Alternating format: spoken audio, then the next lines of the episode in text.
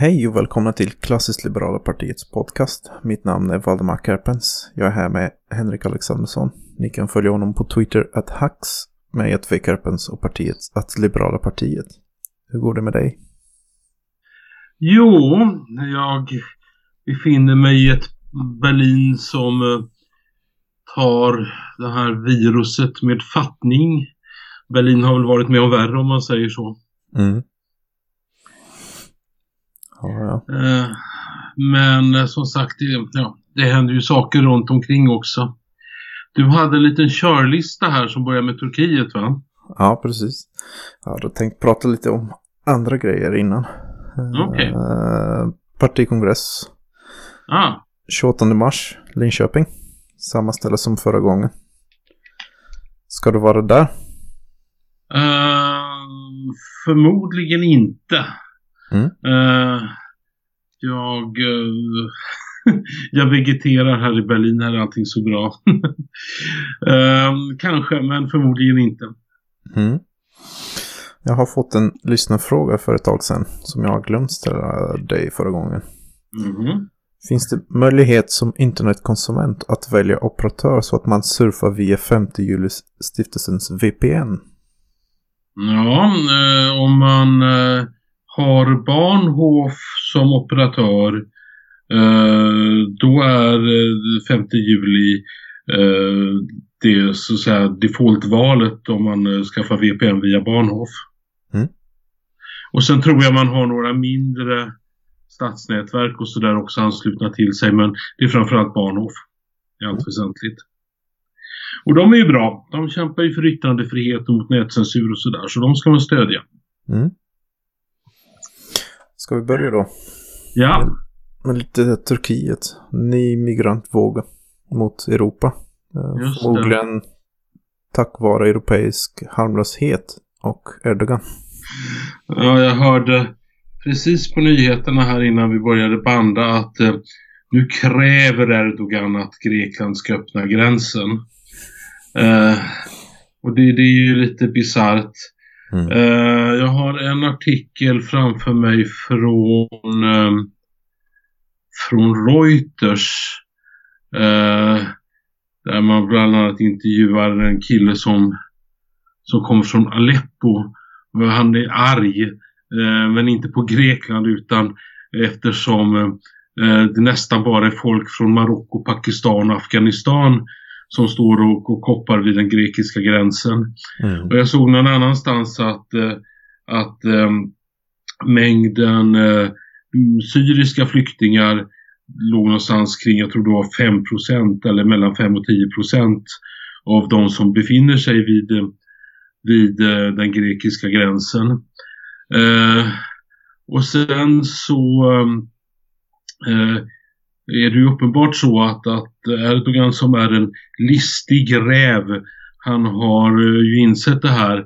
Så han försöker ju nu inte bara bussa människor från, från Istanbul eh, i största allmänhet, folk som han inte vill ha där. Eh, utan även en del syriska flyktingar. Jag såg någon Youtube-film här för en liten stund sedan där, eh, där man bussar människor som verkade vara syriska flyktingar till gränsen. Eh, och sen så jagade man ut dem ur bussen med hot om våld och viftande med pistoler. Mm. Eh, och eh, dessutom så eh, på uniformen så kunde man se tecken både från eh, från syrisk, eh, från- turkisk eh, polis och eller militär och från de grå vargarna som är ju den här, den här turkiska fascistiska grupperingen. Eh, så att eh, det är ju uppenbart så att det är krafter i rörelse. Mm. Att, att Grekland eller Bulgarien inte har byggt en ordentlig gräns mot Turkiet sedan förra gången eh, känns lite naivt. Eller kanske de tror att Stefan Löfven menar allvar när han sa att mitt Europa bygger inga murar. Jag vet inte riktigt. Mm. Nej, men man, man lär sig väl aldrig. Ehm, men det, alltså det, det är så typiskt EU för man gör alltid saker i fel ordning. Ehm, om vi ska ha en gemensam migrationspolitik och eh, öppna inre gränser inom Schengensamarbetet ja då är det ju rätt uppenbart att man måste ha en fungerande yttre gräns. Mm. Eh, men, men så är ju uppenbarligen inte fallet. Men det var ju där man skulle ha börjat. Eh, och när man har skapat en yttre gräns då kan man liksom släppa på, släppa på den fria rörligheten i Europa. Men så gjorde man tvärtom. Och det kommer ju förmodligen att resultera i att, att vi eh, kanske så småningom även blir av med, med, med den vanliga fria rörligheten i Europa för oss så här, vanliga europeer. Mm. Och, att, Eh, och att EU gav Turkiet eh, pengar för att behålla migranter på sin sida av gränsen. Ja, Lite märkligt Eh. att outsourca sin gräns till de här Misko-länder. Alltså, det här avtalet, det, det är ju... eh, det kunde man ju räknat ut från början att det inte håller hur länge som helst. Eh, och då skulle man väl som sagt använt den tiden för att, för att förstärka gränsen. Men alltså jag tror, ja det var ju tag, snack ett tag om att Erdogan ville ha bättre betalt. Mm. Eh, och det verkar som att han är irriterad över att pengarna från EU har gått direkt till att, att eh, eh, hjälpa flyktingar istället för ner i den turkiska regimens fickor. Så nu vill han ha mer pengar.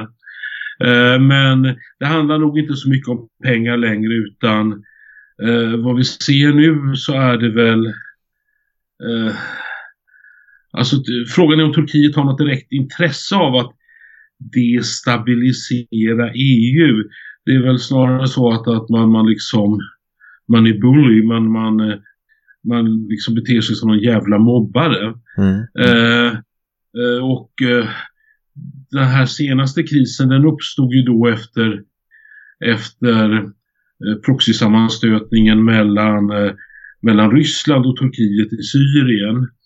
Eh, där eh, möjligtvis ryskt eller åtminstone ryskunderstött flyg eh, bombade turkiska ställningar och dödade en massa turkiska soldater. Eh, så, så det här är väl ett uttryck mer eller mindre för att, för att Erdogan är förbannad i största allmänhet. Eh, och även förmodligen mycket över att han, eller om att han ska försöka visa musklerna på hemmaplan, skulle jag tro. Ja, precis. Även om han är diktator, eller är han vald? Jag kommer inte ihåg. Han är någon sorts Ja, han, är, va- han, är, han diktator. är vald. Eh, människor i, i, eh, i storstäder, framförallt Istanbul, tycker illa om honom. Eh, och gamla tanter och farbröder på landet röstar på honom. Det är lite grann som Polen ungefär. Mm. Men ja, kan tänka mig att han måste också visa handlingskraft. Och jag antar att det här blev slutresultat av det. Men, men Ja, alltså det är ju rätt stökig situation rent allmänt. Vi ska ju vi ska ju komma in och prata om corona lite senare vad jag förstår. Mm. Men eh, jag kan ju notera att om man tittar på den här aktuella sammanställningen över fall i världen så påstås det att eh, Turkiet inte har något coronafall. Vilket naturligtvis är bullshit.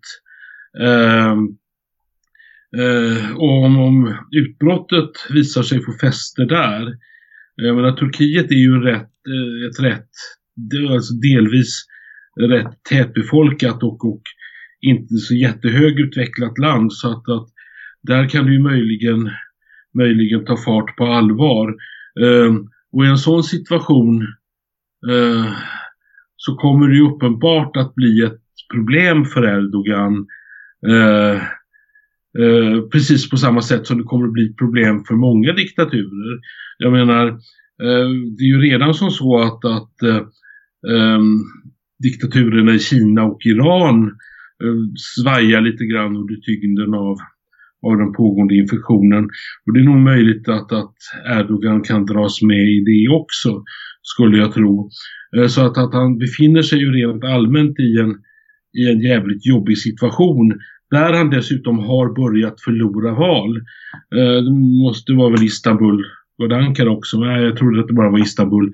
Där, där ju hans parti faktiskt har förlorat makten.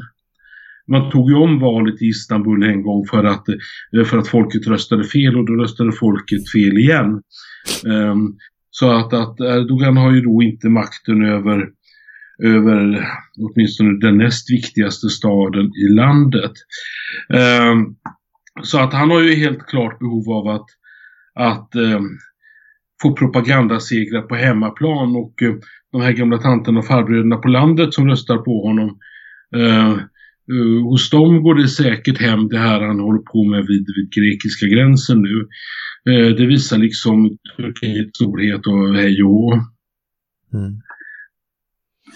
Och ja, det, det som stör mig mest är att vi europeer är verkligen outsourcar vår gräns till honom. Att, att vi sitter här och hoppas att, att allting går bra och sen det skiter sig och sen oj oj oj. Och, mm.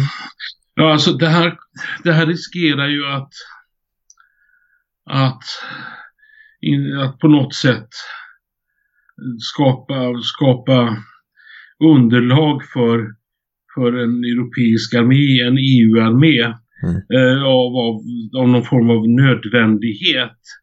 Eh, vilket samtidigt eh, eh gör mig lite skräckslagen. Eh, EU är ju inte så jävla bra på utrikespolitik alltid och är ju dessutom inte alltid, alltid enat. Eh, om nu människorna som gav oss jordbruksstödet och upphovsrättsdirektivet och förbudet på, mot vattenkokare på över 500 watt. Om de, om de människorna dessutom ska sköta, sköta någon form av gemensam militär styrka som, som sen dessutom naturligtvis kommer att skickas iväg till fjärran länder eh, och dra in oss i, i, konflikter på marken som vi aldrig kommer att kunna dra oss ur. På samma sätt som USA inte har kunnat dra sig ur sina konflikter. Mm.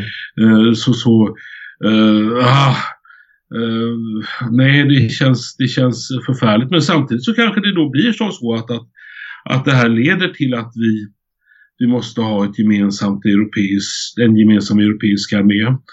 Och här pågår ju redan diskussioner uh, efter det att britterna har lämnat Storbritannien när plötsligt inser att, att det kanske inte är så jävla bra att det bara är fransmännen som, som, har, um, som har en atombomb. Mm. Uh, Eh, och, och Tyskland som det ser ut idag, jag vet att det sticker i ögonen, det sticker i ögonen något förfärligt på folk.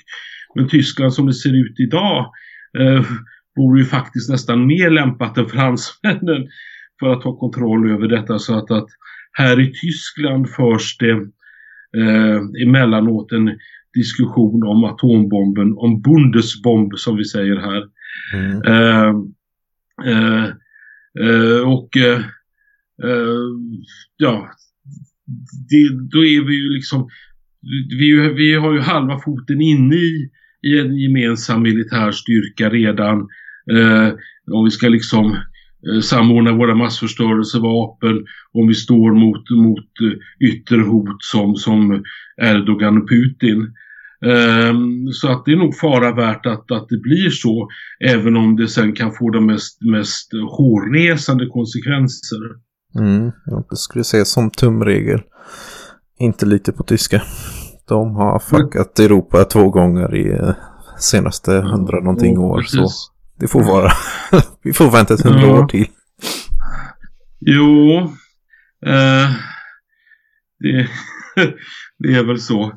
Eh, samtidigt så, så liksom är ju Tyskland. Eh, Tyskland har ju liksom någon någon form av kollektiv medvetenhet och uppmärksamhet eh, och när det gäller att saker och ting faktiskt kan gå åt helvete totalt. Som mm. till exempel Sverige fullständigt saknar. Mm, ja. Och ja, det, det, det, och Sverige har väldigt mycket den här harmlöshet. Att vi är bra på grund av att vi är harmlösa. Eh, ja, och, och foträta, foträta och ekologiska och nyjoggade och och ja. snälla och goda och humanistiska människor. Eh, som, som, som liksom inte är medvetna om, om eh, att, att allting faktiskt kan hända. Ja, och, när jag pratar med vanligt folk och brukar säga att jag skulle se Sverige som har kärnvapen. Eftersom Putin har typ 9000. Och jag skulle vilja ha några få så att vi kan försvara oss ifall Putin tycker att typ, ah, men vi, vi vill ta Sverige och vi, vill, vi bryr oss inte om det finns folk där kvar efteråt. Men, men argument som brukar alltid komma tillbaka till mig är ah, men det skulle vara bättre om det inte fanns några kärnvapen. Ja, äh, kommer du att övertala Putin att gå och slänga sig in eller? Det där är ju en diskussion som, som går tillbaks till, till fredsrörelsen på 80-talet under öststatskommunismens tid. Det här med en kärnvapenfri zon i Europa och utropar man, man utropade eh, Stockholm till en kärnvapenfri zon. Vilket, eller man vill utropa Sverige till en kärnvapenfri zon, Östersjön till en kärnvapenfri zon. Eh, liksom att utropa Sverige till en kärnvapenfri zon, det, det, är ju liksom meningslöst eftersom det inte finns några kärnvapen ja. här. Det enda sättet att kunna komma kärnvapen till Sverige är att någon jävel skjuter dem på oss. Ja. Eh, eh, så, så att det där handlar ju liksom om ensidig nedrustning, att, att ryssen är den enda, eller Sovjetunionen på den tiden, mm. är de enda som ska ha kärnvapen som kan nå in i det här området. Eh, och det verkar ju faktiskt som att den där frågan har har kommit upp på bordet igen. Det är väl den ryska propaganda, det ryska propagandamaskineriet som, um, som ligger bakom det skulle jag misstänka. Uh, men uh, ja, å andra sidan, å andra sidan uh, de här amerikanska robotarna som vi har köpt Går inte de att bestycka med kärnvapenstridsspetsar om det skulle behövas? Mm. Jag vet inte. Någon vet säkert. Ja, och generellt jag, jag är lite mer på svenska politiker än på Putin. Så ja, det är någonting. Kanske jag är naiv. Ja, vem vet. Vi är alla naiva nu för tiden. ja, och tillbaka till det här migrationsgrejen. Ja. Generellt sett kring medien och allt det här. Det ser nästan ut som, som ett spel där, där reglerna är följande. Hitta ett samhälle som har massa resurser och sen försöka med pro propaganda få dem att ge alla sina resurser till de här migranter och, och att man använder barn och sniffhistorier och allt vad som krävs. Alltså vad jag inte, vad jag inte förstår här. Alltså så här. Eh, vi befinner oss i en situation där vi förmodligen har lärt oss en läxa från 2015. Eh, kommunerna börjar nu få ta kostnaderna för, för, för, för den flyktingkrisen eh, och kommunerna går på knäna. Eh, välfärdssystemen rent allmänt som redan från början var konstruerade som kedjebrev blir ännu mer påfrestade, påfrestade och, och integrationen går uruselt. Eh, med massor av, av konsekvenser. Eh, och för frågan, alltså det jag inte kan, kan få något vettigt svar på det är att, att när då Miljöpartiet, Vänsterpartiet och, och eh, förmodligen även Centerpartiet säger att, att eh, men vi ska öppna gränserna igen. Alltså, varför? Jag, jag, jag förstår inte riktigt varför. Jag menar, okej okay, att man vill vara snäll och att man vill vara humanist och att det är människor som har det svårt och bla bla bla.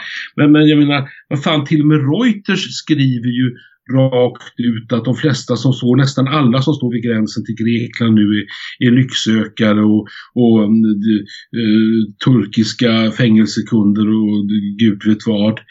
Eh, eh, alltså vad är det, vad är det man vill, vill uppnå genom att öppna kranen igen?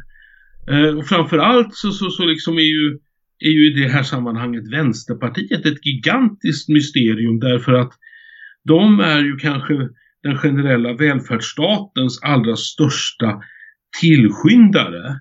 Mm. Eh, och ska de nu vrida på kranen så mycket så att, så att den här generella välfärdsstaten bryter samman Eh, alltså det, det, det, det är väldigt, väldigt märkligt. Jag skulle väldigt gärna vilja höra någon förklara eh, på ett rationellt sätt vad man skulle vinna eller varför man tycker att, att, att man ska öppna gränsen nu. Speciellt i den här situationen när vi vet att det i huvudsak inte handlar om om alternativt skyddsbehov, människor i eh, alternativt skyddsbehov utan eh, alltså mest om, om, om, om lycksökare.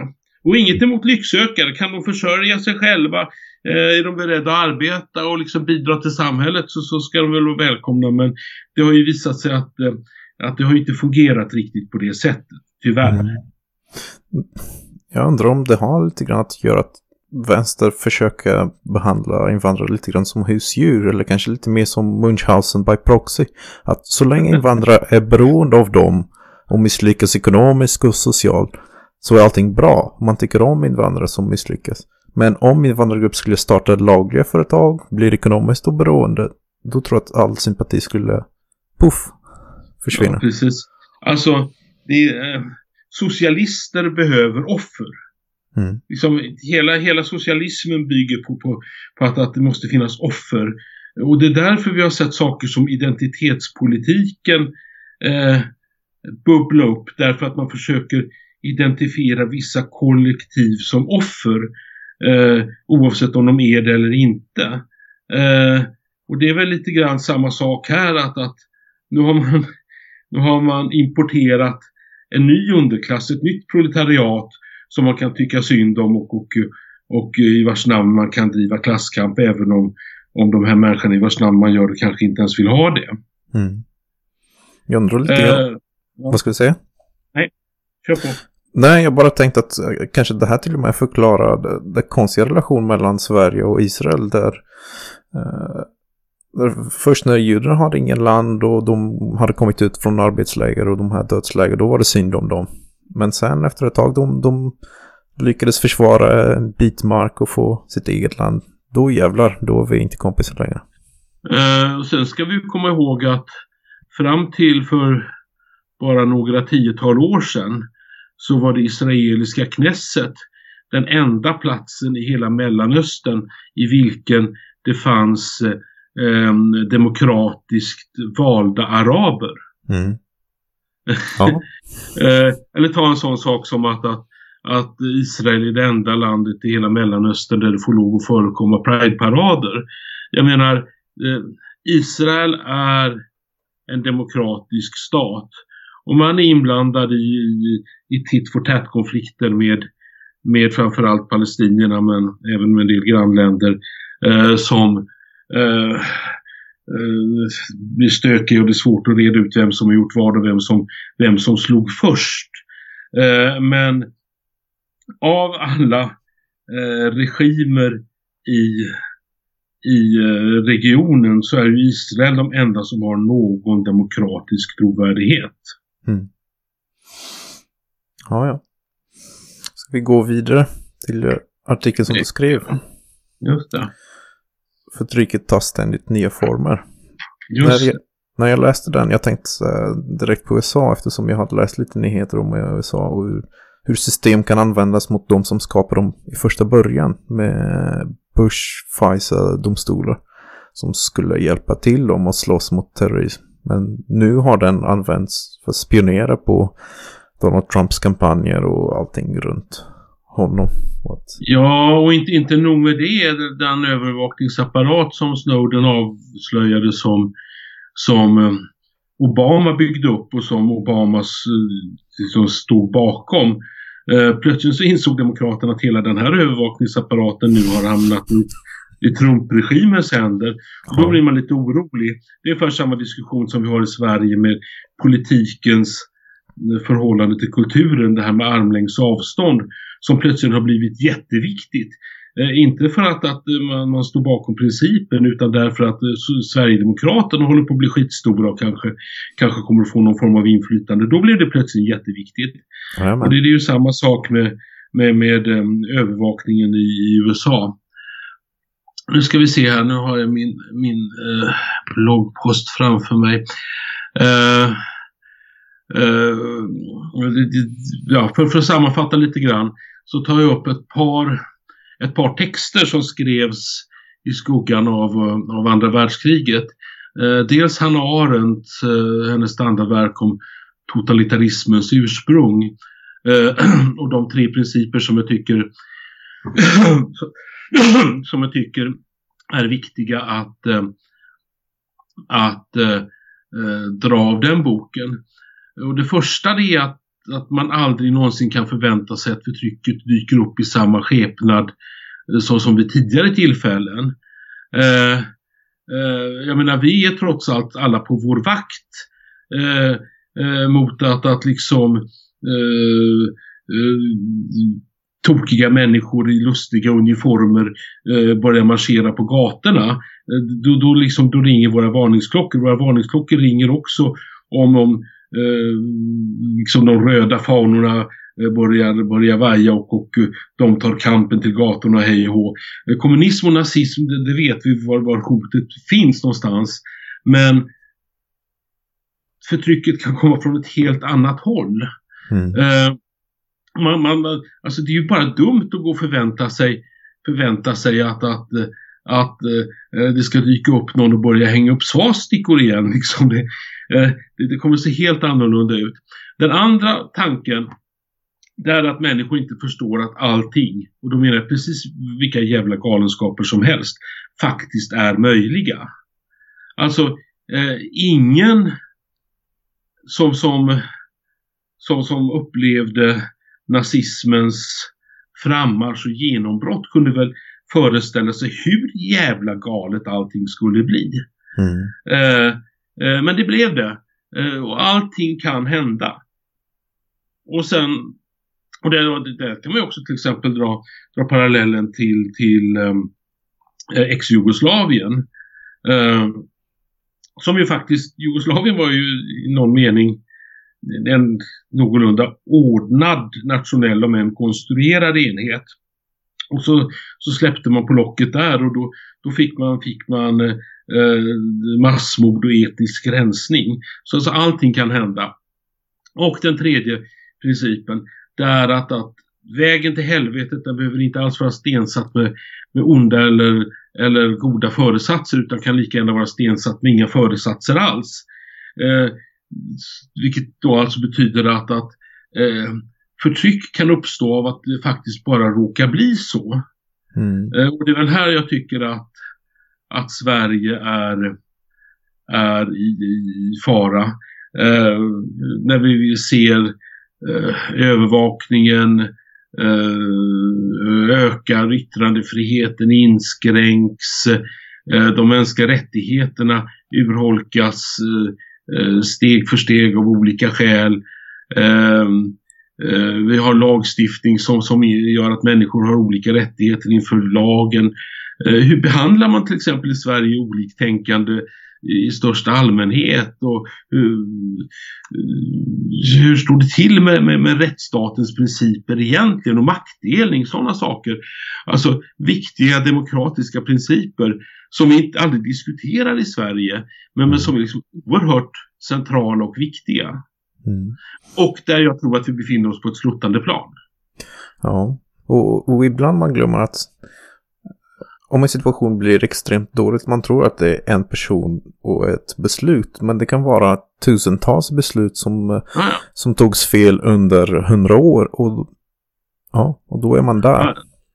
Ja, jag är ju lite, jag är lite, lite fan av, av den här kaosteoretiska forskningen som, som även går att applicera, eh, applicera på, på eh, sociala system till exempel samhällen och, och, och eh, politik.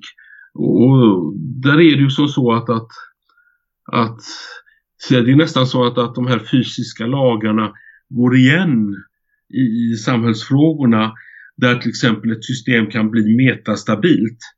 Det vill säga att det är så jävla saturerat av många små dåliga beslut och saker som inte funkar.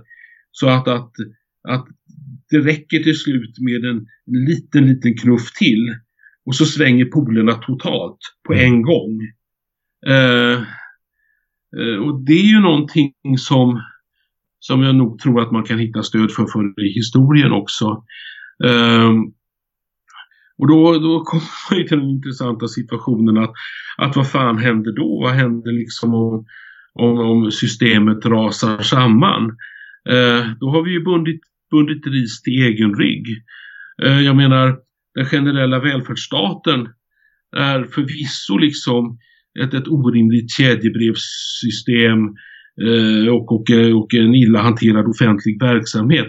Men när man har bundit alla människor till den genom att, att ta deras skattepengar och lova att, att staten, att offentliga ska stå för sin del av samhällskontraktet.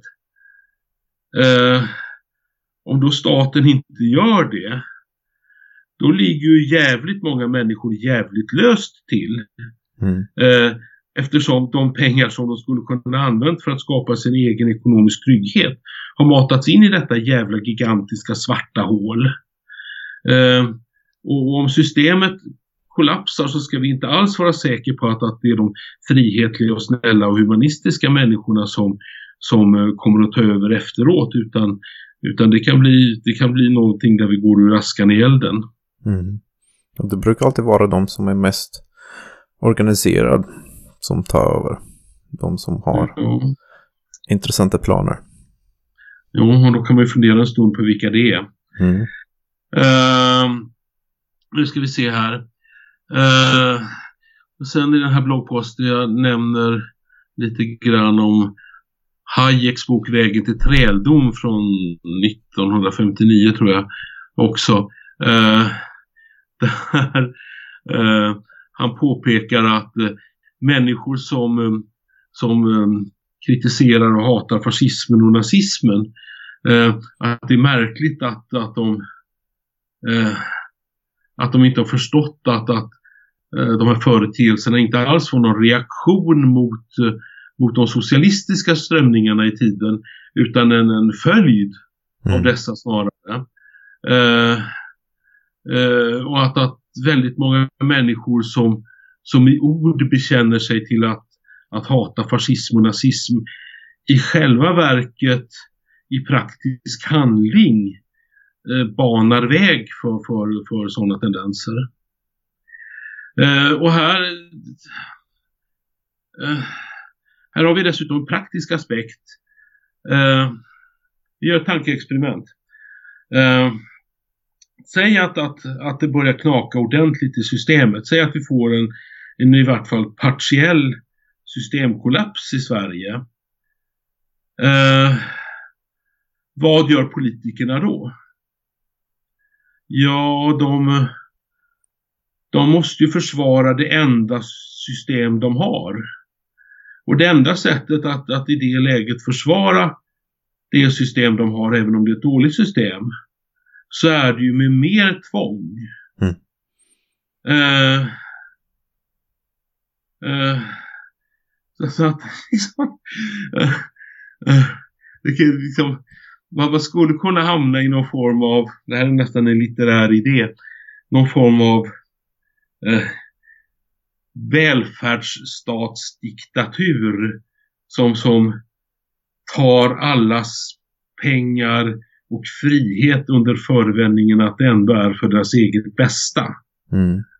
Eh, att man ska försöka tvinga folket till, till sin egen lycka.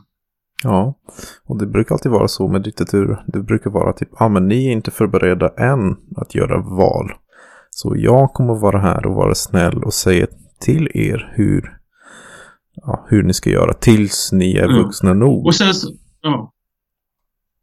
Och sen är det ju lite Sen är det ju lite synd att det inte finns, finns några egentliga politiska alternativ på banan. Jag menar klassiska liberala partiet kandiderar i varje val och får, får några, några tusen röster. Eh, men samtidigt så, alltså Sverige skulle behöva ett, ett missnöjesparti utan en massa liksom mm, brunsmetat förflutet. Eh, och det borde vara klassiskt liberala partiet. Dessutom är det faktiskt som så att, att eh, vi, nördarna i klassiska liberala partiet, jag uppfattar oss som liksom väldigt eh, faktabaserade eh, vetenskapsbaserade, evidensbaserade, eh, inriktade på, på ekonomi. Eh, jag menar, de flesta av oss är väl ekonomer och ingenjörer tror jag. Mm. Eh, saken är ju den att, att även om vi, vi skulle, vi helst skulle liksom montera ner den allmänna välfärdsstaten och liksom skapa ett helt nytt och mycket friare land. Så trots det så vore vi bättre på att sköta rulliansen med det här jävla systemet vi har idag än de tomtarna som, som, som sitter där och gör det. Så, som, som, som inte tycks ha någon form av jävla verklighetsuppfattning. Mm. Men, ah, ja. Nej men liksom, men det är så absurt tycker jag liksom att att, att, att, att eh okej okay, om folk, det är så att folk vill ha en välfärdsstat så är vi faktiskt bättre på att sköta den också. Mm. Ja. Men ta bara, ta bara en sån sak som sjukvården. Jag menar det skulle, det skulle gå med ett pennstreck och, och, och göra om hela sjukvårdssystemet. Um, och då säger folk liksom, nej, nej, inte försäkringar för att, att det här måste finansieras via skattsedeln. Okej, okay, låt oss finansiera det skatt, via skattsedeln. Men låt oss då göra som i många andra länder. Att vi har ett offentligfinansierat försäkringssystem. Mm. Där det finns försäkringshandläggare som är fokuserade på att på att, eh, att om försäkringsbolagen ska kunna tjäna pengar så är det en sak som är viktigare än allting annat. Nämligen att deras kunder är friska och att de botas om de blir sjuka. Det är ju då det allt annat överordnade syftet. Då, får, då, då skapar man ju ett incitament för att sjukvården ska bli så, så effektiv och bra som möjligt. Och sen kan man ha olika utförare. Eh, eh, och det där skulle man kunna liksom införa, införa över en natt. Med om det då krävs fortsatt offentlig finansiering. Om folk nu är oroliga för att det inte skulle funka annars. Eh, eh och det vore ju liksom eh, det, det vore inte idealt men det vore liksom ett gigantiskt steg åt rätt håll. Mm. Men då skulle säkert massa byråkrater få sparken och de måste ja. få anställning. Det finns ju inte en jävla politiker i västvärlden som har tagit i med hårdhandskarna mot byråkratin sedan Margaret Thatcher. Mm. Tyvärr. Och då, ja, om det når punkten där med fler och fler byråkrater anställs så då blir de en viktig väljargrupp också. Då blir det en riktig ond spiral. Ja, absolut. Det, det, är liksom det är ett självspelande piano det här. Eh, och jag menar, vad fan var det 2000, kan det ha varit 14, det kanske var tidigare. Antalet administratörer eh, överskred liksom antalet, om det var läkare eller vårdpersonal, eh, vårdpersonal tror jag, i, i, i vården. Eh, sjukvården kostar mer och mer pengar Samtidigt som vi får liksom färre och färre vårdplatser och fler och fler stabslägen. Eh, eh, så, så att någonting är ju liksom uppenbart liksom jävligt fel i systemet. Och sen ska väl då sägas att, att det här blir ju ja, det här självspelande pianot och de här byråkraterna eh, och anställda överhuvudtaget i det här systemet när då någon försöker göra något vi kan, vi kan, vi kan köpa lite grann Moderaternas, Moderaternas resonemang från Stockholm här att, att, att om vi nu flyttar ut de saker från sjukhusen som inte behöver vara på sjukhusen som har mer av en, en primär eller allmänvårdskaraktär eh, som, som inte behöver vara på liksom eh, världens dyraste sjukhus. Eh, då måste vi minska ner personalen på sjukhusen. Men, men det, är liksom, det är omöjligt att göra därför att, att när sjukhusbyråkratin då ska skära, ja då skär man ju liksom inte, inte bort de onödiga delarna och framförallt inte onödig byråkrati. Utan då skär man ju ner på den, den, den väsentliga verksamheten istället och så går allting åt helvete. Um, så, så att det här, här det krävs liksom otroligt liksom hårda nyper mot, uh, mot byråkratin. Speciellt i tider när byråkratin dessutom börjar bli mer och mer politiskt aktivistisk. Mm. Ja. Så vi hoppar ah. från vård till uh, coronavirus. Hästen. Ja. Ja, nu ska vi se. Uh. Ja, jag har ja. ingen proportionskänsla till de här grejerna. Jag, jag är inte virolog eller inte ens speciellt intresserad av biologi. Men från Kinas reaktion när de stängde ner folk i städer och stängde ner fabriker i flera veckor. Ja, det ser inte ut som en vanlig förkylning i alla fall. Nej, nu ska vi se här om jag hittar hittar mina länkar. Nu tar vi upp corona och ser exakt hur det ser ut just nu. Det är runt 100 000 fall. Alltså det är 109 000 fall. 1000 799 döda och 60 693 recovered. Nu kan ju det här bli värre, det här kan bli mycket värre. Eh, men totalt i hela världen så är det alltså 3799 döda. Eh, och jag vill bara, utan att förringa coronaviruset, så vill jag bara påpeka att, att vintern 2017-18 så här i Tyskland ehm, så, så dog 25 000 människor av den vanliga influensan. Mm.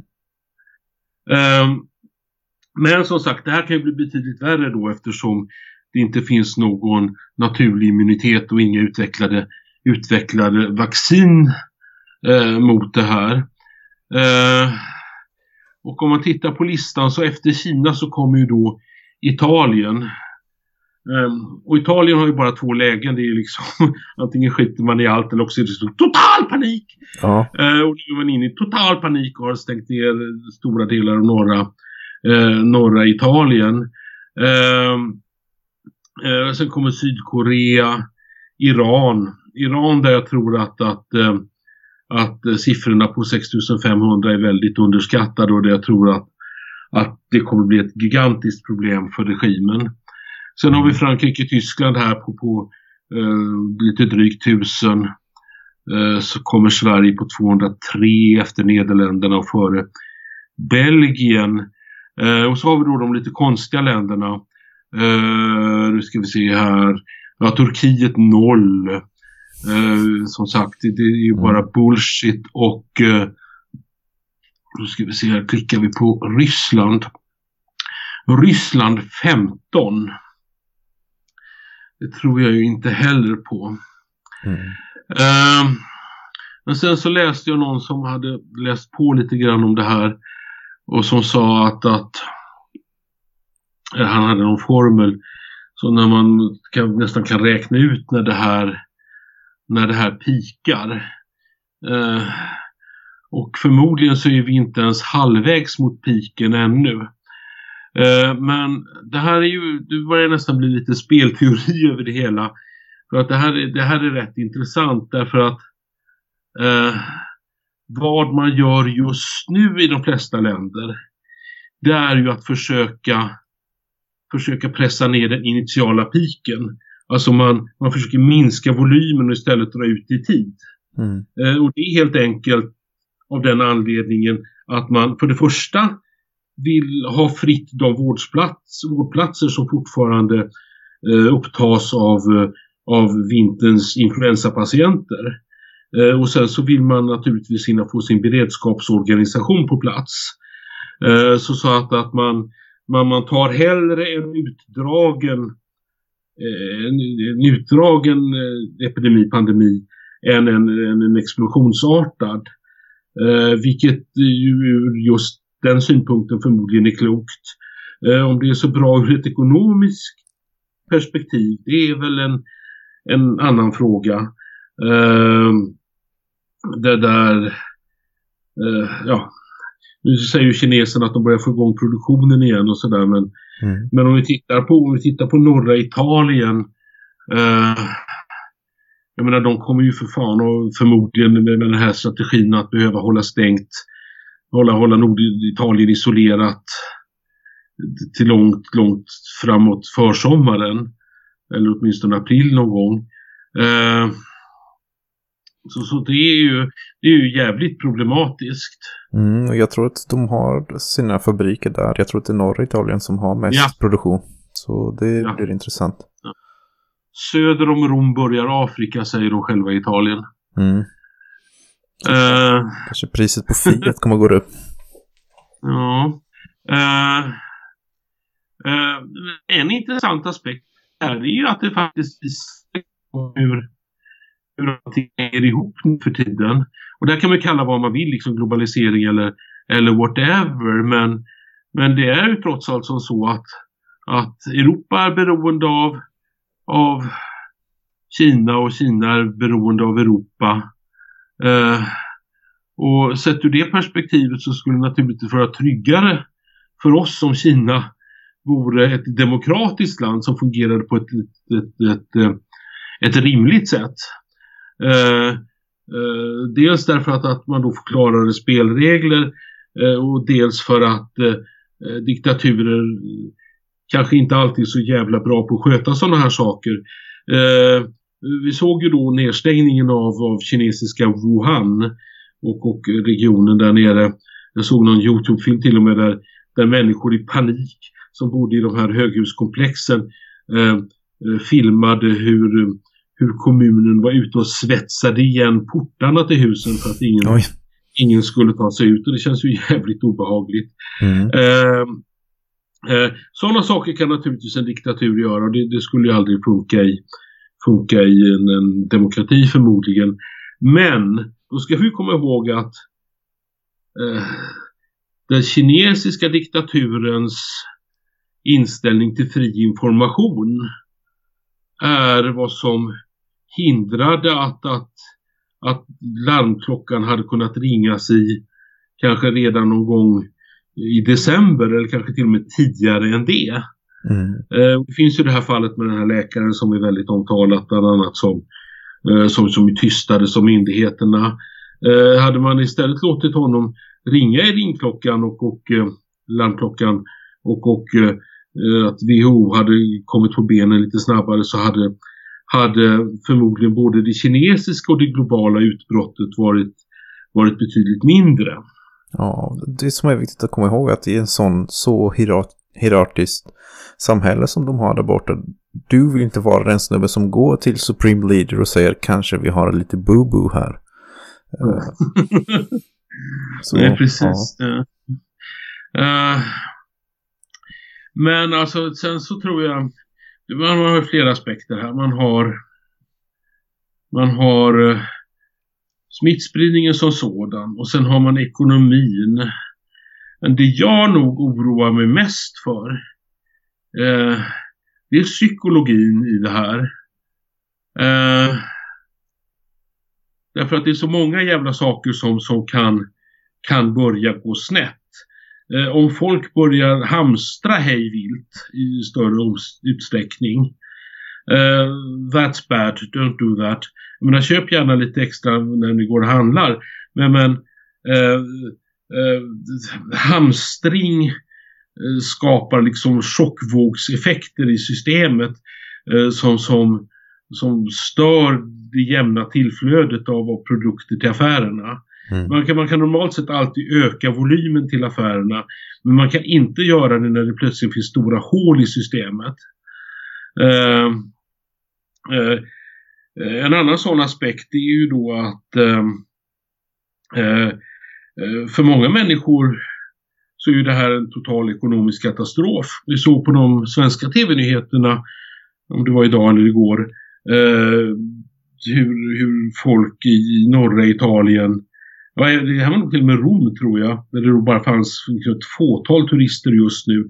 Hur restauranger, turistshoppar, turistguider, hotell eh, eh, plötsligt se, finner sig i en situation med, med, en omsättning som är mindre än en tiondel än den normala. Mm. Eh, och för de här människorna så är, så är ju detta naturligtvis fullständigt fullständigt katastrofalt. De här människorna behöver mat på bordet och de behöver betala hyran. Så att, att där kan det uppstå, uppstå paniksituationer. Ja, speciellt i vårt samhälle där vi har massa eh, skuldsättningsgraden är enorm. Och eh, ja, och, och, och, om, du, om du stoppar din verksamhet under en månad eller två, då är det förmodligen kört. Ja, jag noterade på de tyska nyheterna att här i Tyskland så har, har man tydligen, har tydligen regeringen fattat beslut, eller tänker fatta beslut om att eh, egenföretagare i vart fall kan få anstånd med skatteinbetalningarna eh, under, under krisen. Det är ju kanske alltid något. Mm. Uh, uh, och alltså det här med det här med panik är ju en en alltså det är ju en rätt jobbig fråga därför att att det behövs inte så jävla många människor som börjar bete sig dumt för, för att saker och ting ska gå överstyr. Och panik kan ju även utlösas av, jag menar, skulle det bli tillräckligt många sjuka i någon kommun för att vattenverket ska gå ner, vad fan gör man mm. då? Uh, Så, så att det visar ju verkligen på vårt, vårt, eh, samhällets, vårt samhällets sårbarhet. Eh, eller om Swish går ner eller vad fan som helst. Så någon bank, eh, hela dataavdelningen går på sickliv. Vad händer då? Eh, så, sådana saker kan ju naturligtvis ställa till det. Så att, att eh, det är naturligtvis extremt viktigt att människor är, är förberedda. Däremot så, så måste man försöka sansa sig så att man inte drabbas av panik. Därför att drabbas man av panik då gör man inte rationella val. Mm. Utan det här, det här är någonting som vi faktiskt får ta dag för dag och göra det bästa möjliga av situationen. En dag i sänder och så försöker vi göra det bästa möjliga och så försöker vi inte göra dumma och korkade saker. Det, det, det är liksom det jag tycker är, är absolut viktigast. Uh, jag, tror att skulle, jag tror att du skulle säga att det viktigaste är att inte st stigmatisera asiater. ja, uh, det ska man inte det ska man inte göra heller.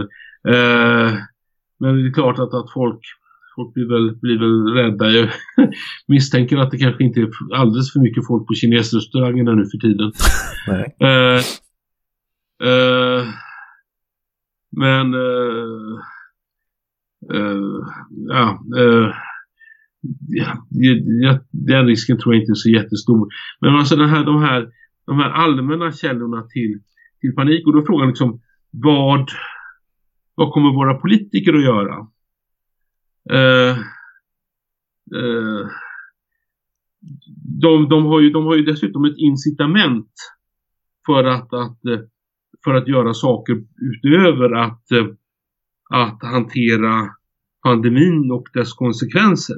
Nämligen att pandemin är ett tillfälle för dem eh, att visa för människorna att de behövs. Mm. Att, att, att, att, att politikerna, makten och myndigheterna behövs. Uh, och då börjar man möjligen hitta på massa saker. Uh, och det kan gå det kan gå hur som helst. Ja, det kanske blir höjd skatt som vanligt. Ja, det är väl, det är väl faran värt. Mm. Uh, men sen så kan man, kan man ju naturligtvis också säga här att, att uh, den här, även om vi nu liksom kan förmodligen med största säkerhet skulle jag tro eh, lyckas hantera den här pandemin på ett, ett, ett någorlunda rimligt sätt eh, så är det ju ändå en jävligt viktig väckarklocka eh, Eh, som påminner oss om liksom vårt samhälles sårbarhet och, och att man, man kanske ska vara beredd på att allting eh, inte alltid fungerar och att det kan komma andra och mycket, mycket värre pandemier eh, i framtiden. Eh, så, så, att som, som väckarklocka så är nog det här eh, en rätt bra sak skulle jag säga.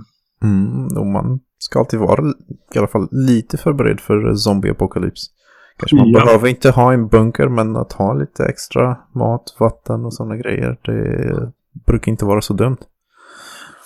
Så, jag köper ett par extra konservburkar varje gång jag går och handlar. Ja. Och, och så, så tittar, tittar jag bort här på golvet och ser eh, två stycken sex förpackningar med en och en halv liters mineralvatten. Mm. Eh, de får stå där tills vidare. För, för att liksom vatten är ju, är ju den centrala eh, commodityn som, som man behöver. Mm. Sen är det också jävligt intressant att se att se eh, det, här, det här är ju den första stora epidemin, pandemin i internettidsåldern. Mm, vilket också gör det jävligt intressant därför att nu har vi möjlighet att fortsätta samarbeta. Att hålla kontakt med släkt och vänner. Eh, att, att, eh, att hålla kontakt med människor som kanske blir sjuka och behöver hjälp med att, att få, få, få, få lite mat framburen till dörren. Eh, eh jag menar, alltså Tänk den här pandemin om vi inte hade haft internet. Och man, man, man hade varit hänvisad till tv-nyheterna och tidningarna. Mm. Och man, man hade liksom inte haft något jävla system att nätverka och hålla kontakten och få snabba nyheter. Det hade ju varit, det hade ju varit jävligt otäckt. Ja. Uh, uh, Så att, så att det finns många skäl att, att, som man kan koppla till den här pandemin till att försvara den fria informationen och det fria internet. Och det är väldigt viktigt att, eh, som du säger med internet, att man kan till och med få kontakt med personer som är i de här drabbade områdena, eller de mest drabbade områdena. Och få ja. se hur de hanterar det. Så det, ja. ja. Och, om det inte, ja. om det inte blir allt för, för många sjuka, mm. så, så finns det ju liksom, eh, till exempel bara, ska vi ta ur, ur, ur, någonting ur luften, så finns det ju till exempel eh, jävligt många sådana här tjänster som, som kör hem folk åt, alltså restauranger som kör hem folk åt mat, Liverando och sådana här, såna här företag. Eh, eh, som säkert kommer att utveckla någon form av, av teknik för att, att eh, kunna leverera maten på ett smittsäkert sätt. Mm. Eh, man betalar med kreditkort och de ställer maten utanför dörren och ringer på. Eh, och så är det bra med det. Jag menar, det, det vi, befinner, vi befinner oss i en situation där liksom i värsta fall kanske, kanske liksom blir tvungna att stanna hemma och hålla oss isolerade några veckor. Men vi kan fortfarande liksom beställa hem mat från vilken jävla restaurang vi vill. Det, det är ju trots allt liksom det, det, det, är ett tecken på liksom att, att, att, att samhället faktiskt har gått framåt. Jag hoppas att det blir som du säger. Så att det värsta är att man får käka lite mer takeaway. Vi får se. Ja, det kommer att bli liksom jävligt mycket sushi. Mm. Så att men, eh, alltså.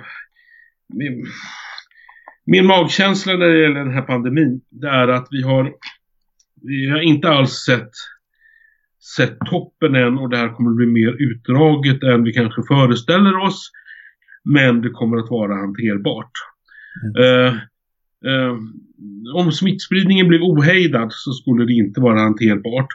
Och därför tycker jag faktiskt att, att folk bör tänka efter lite grann själva. Jag menar, tvätta händerna ordentligt. Uh, undvik liksom smittspridningssituationer. Eh, det kanske är en jävligt dålig idé att gå på eh, gå på bio med en massa hosta, hostande människor till exempel. Eh, och där tror jag det, jag tror det finns en insikt om detta hos, hos folk att nu, nu taggar vi ner och tar det här lite lugnt för att nu är det smitta i, smitta i luften så att nu ska vi ska vi göra det, det bästa möjliga av situationen. Jag tror att, att det finns en sån medvetenhet. Eh, eh men det förtjänar ju att påpekas. Mm, och jag hoppas att det blir lite som du säger, att kanske i framtiden att vi har lite bättre beredskap. Att, att folk går runt och ja, har lite och sen, de, de här nödvändiga grejer hemma. Ja. Och sen blir jag lite, lite förvånad när jag ser, ser de här ställena som är i lockdown i, i Italien eh, bland annat. Eh, det är ju faktiskt som så att, att eh, om man håller meters avstånd mellan folk så, så, så är, smittspridningsrisken rätt liten. Så jag menar, det är inte så att vi kommer att bli inlåsta i, i våra lägenheter utan det kommer ju faktiskt att, att gå liksom gå ut och ta en promenad och liksom röra sig på stan även om man ska liksom låta bli att stå ansikte mot ansikte med varandra. Mm. Så det kanske jag, är ute promenerade, jag är ute och promenerade en timme nu innan det här. Ehm, eh, runt om här i, i Neukölln, Kreuzberg. Eh, ja, det ser, ut, det ser ut precis som vanligt faktiskt. Eh, jag skulle kunna misstänka att det kommer att komma en del regler som att, att, att kanske ja, minst en, en och en halv meter mellan bord på restauranger. Det, det, det kanske är en, en sån rimlig, rimlig regel som, som kan komma. Uh, Eh, det kan väl kanske hända att, att man börjar i större utsträckning ställa in stora evenemang. Mm. Eh, det är möjligt men jag tror inte att jag tror inte det ska behöva, behöva bli värre än, än så faktiskt. Ja, angående avståndet då kanske det blir en fördel för svenskarna eftersom vi brukar ha ganska långt avstånd från varandra när vi går. Ja, precis. Säkerhetsavstånd. Ja, så är det ju lite grann här i Tyskland också. Mm. Uh, uh, nej, men så att uh, jag, jag, skulle säga att, att, att om folk håller sig lugna och inte gör några dumma jävla saker. Men som sagt, det kan gå jävligt snabbt. Jag kommer ihåg, vad fan var det då? 2011 måste det varit på sommaren. I augusti, jag var i London på semester en, en eh, lång weekend. Eh, när plötsligt kravallerna i norra London bröt ut.